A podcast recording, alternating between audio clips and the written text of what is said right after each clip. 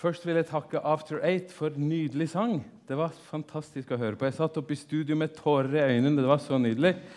Så takk skal dere ha. Og um, jeg er så glad for at vi har historien om Emmausvandrerne, må jeg si.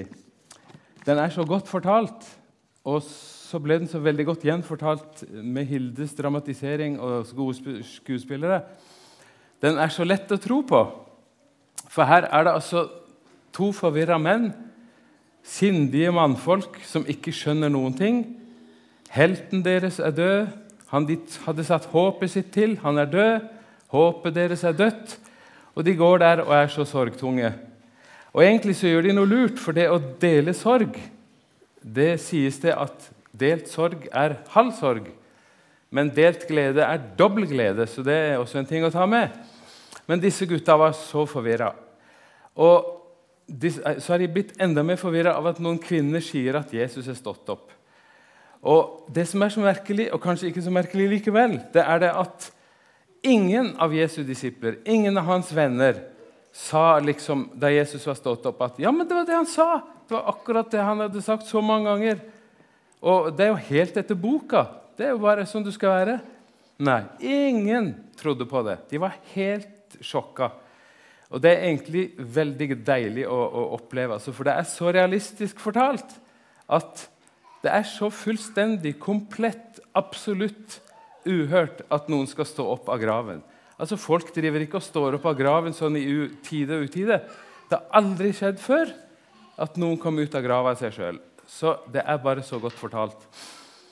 Og som dere sikkert husker, så sa disse guttene, disse mennene Brant ikke hjertene våre i oss da, vi, da Jesus fortalte om hva som står skrevet om han i profetiene og Det gamle testamentet helt fra Moses? Og Jeg er blitt spurt om at, å si litt om hva det betyr. Og Her skal jeg bare ta ut manuset mitt. Um, um, fordi det var slik at disse gutta, disse mennene, de, eller Reaksjonene hos disiplene var jo altså alt ifra dette er kvinnfolkprat. Dette er bare tull. Det kan ikke stemme. Helt til Ok, kanskje vi skal sjekke litt, da. Eh, skal vi se om vi får gjort det riktig vei her. Dette blir altså en spade til slutt. Yes. Og når jeg skal si litt om hva dette betyr for meg, så må jeg si det at jeg hadde lurt på lenge om jeg trodde på det riktige. Altså Om det jeg trodde på, var sant. Om Bibelen var sann, om det var noe å tro på i det hele tatt. Og Da viste Gud meg at istedenfor å se om gresset var grønnere andre steder, så begynte jeg å grave der jeg sto, for å se om jeg kom ned på noe fast grunn. ikke sant? Da må ingen småbarn komme nær meg. Eh, og så grov jeg og grov og grov, og da jeg kom ned på fjellgrunn, det var da jeg fant ut at Jesu oppstandelse det er fjellgrunn. Det kan vi virkelig stole på. Og det var det disse gutta eh, da, det virkelig brant i hjertene deres, det var da de skjønte at wow, det som står i Bibelen, er jo sant. Og det som er så godt for meg å vite det, Hvis jeg peker denne sånn, så blir det til venstre for dere. Da skal det forestille at den peker mot fortiden, altså bakover i tiden. Og disse disiplene de hadde altså skjønt at det som sto i Bibelen, helt tilbake til Moses, og til og med den siste profeten. Alt det stemte. Og når en lys, levende Jesus, som har vært død og er stått opp igjen, når han tror på det som står i Det gamle testamentet, som var Bibelen de hadde den gangen, ja, da tror jeg også på det. Og Sist søndag så hadde vi dåp her i Misjonshuset. Og Hver gang et barn blir døpt i Misjonshuset eller i Den norske kirke, så leses det et vers fra en av Jesu disipler sitt brev, første brev. Det var disippelen Peter, han som var høyt oppe og lavt nede. Og han hadde til og med bannet på at han ikke kjente sin beste venn. Men så fikk han oppreising, så fikk han møte Jesus. Og Han skriver altså i det verset som alltid leses, der står det:" Lovet være Gud, vår Herre Jesu Kristi Far, Han som i sin rike miskunn har født oss på ny og gitt oss et levende håp ved Jesu Kristi oppstandelse fra de døde. Ikke bare født oss på ny, punktum. Ikke bare gitt oss et håp, punktum. Men et levende håp, og ikke bare punktum der heller, Men ved Jesu Kristi oppstandelse fra de døde, det er det som gjør håpet levende. Altså, Vi håper hele tida, ikke sant? Vi håper eh, Jeg håper det blir fint her på 17. mai. Jeg håper at Start vinner, eller at Liverpool taper. eller Vi håper og håper og håper. Men vi kan ikke gjøre ting. Det, det, som skjer, det skjer. Det kan gå sånn, og det kan gå sånn, det kan gå bra, det kan gå dårlig. Men vi håper, og vi håper. Og håp er viktig. Det viser seg at uten håp så er det veldig, eller det er så viktig for folk som f.eks. sitter i krigsfangenskap, at de håper, for det er mye større sjanse for at de overlever da. Så håp er viktig. Men her sto det om et levende håp ved Jesu Kristi oppstandelse fra de døde. Og Hva er forskjellen på et levende håp og et dødt håp? Jo, det levende håpet det er altså sånn at det kan ikke gå galt. Det kan bare gå én vei. Og Da vil jeg peke den der sånn. Da skal det forestille at pila peker framover i framtiden.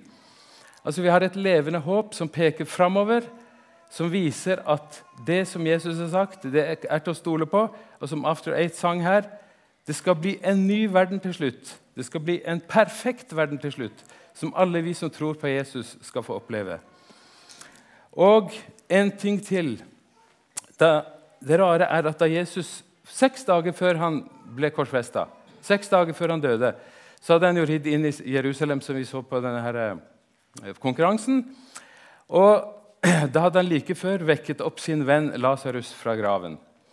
Og så er det masse folk i Jerusalem, for hver, hver, påske så kom det folk fra alle kanter, fra utlandet og alle veier, for å feire påske. Og Deriblant var det noen grekere som kom.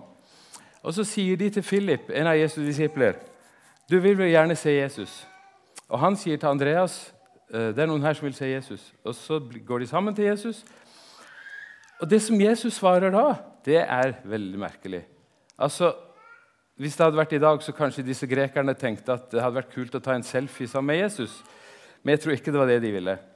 Og Jesus svarte heller ikke sånn at ja, ja, all PR er god PR. Flott med flere i fanklubben. Var, Jesus var ikke ute etter, etter å bli populær. Men så sier han noe helt merkelig. Så sier han hvis ikke hvetekornet faller i jorden og dør, så blir det bare det ene kornet. Men hvis det dør, så bærer det mye frukt. Og I lomma her så har jeg et solsikkefrø. Og Hvis jeg har det frøet i hånda eller legger det et eller annet sted, så skjer det ingenting. Men hvis jeg legger det ned i jorda, så blir det til masse frø i en flott solsikkeblomst. Og Slik var det med Jesus også. at Da han døde og sto opp, så betydde det at det ble ikke bare med det ene hvetekornet, men det ble masse. Og det som er så flott å tenke på, Hva Jesu oppstandelse betyr, er jo at vi som sitter her, vi er jo tegn på at Jesus lever. Vi er jo frukt av at Jesus døde og sto opp igjen. Og Det er så fantastisk å tenke på at hver dag vi samles, hver hvor vi sitter på kontorpulten, eller i lastebilen, eller hvor vi er, så er vi et tegn på at Jesus lever. Det er blitt masse, masse frukt av oss. Og Det gjør at jeg har lyst til å peke pila oppover til slutt. Og så vil jeg si sånn som eh, apostelen Peter sier Han er konge i evighet, den uforgjengelige, usynlige, eneste Gud. Ham være ære i all evighet. Amen.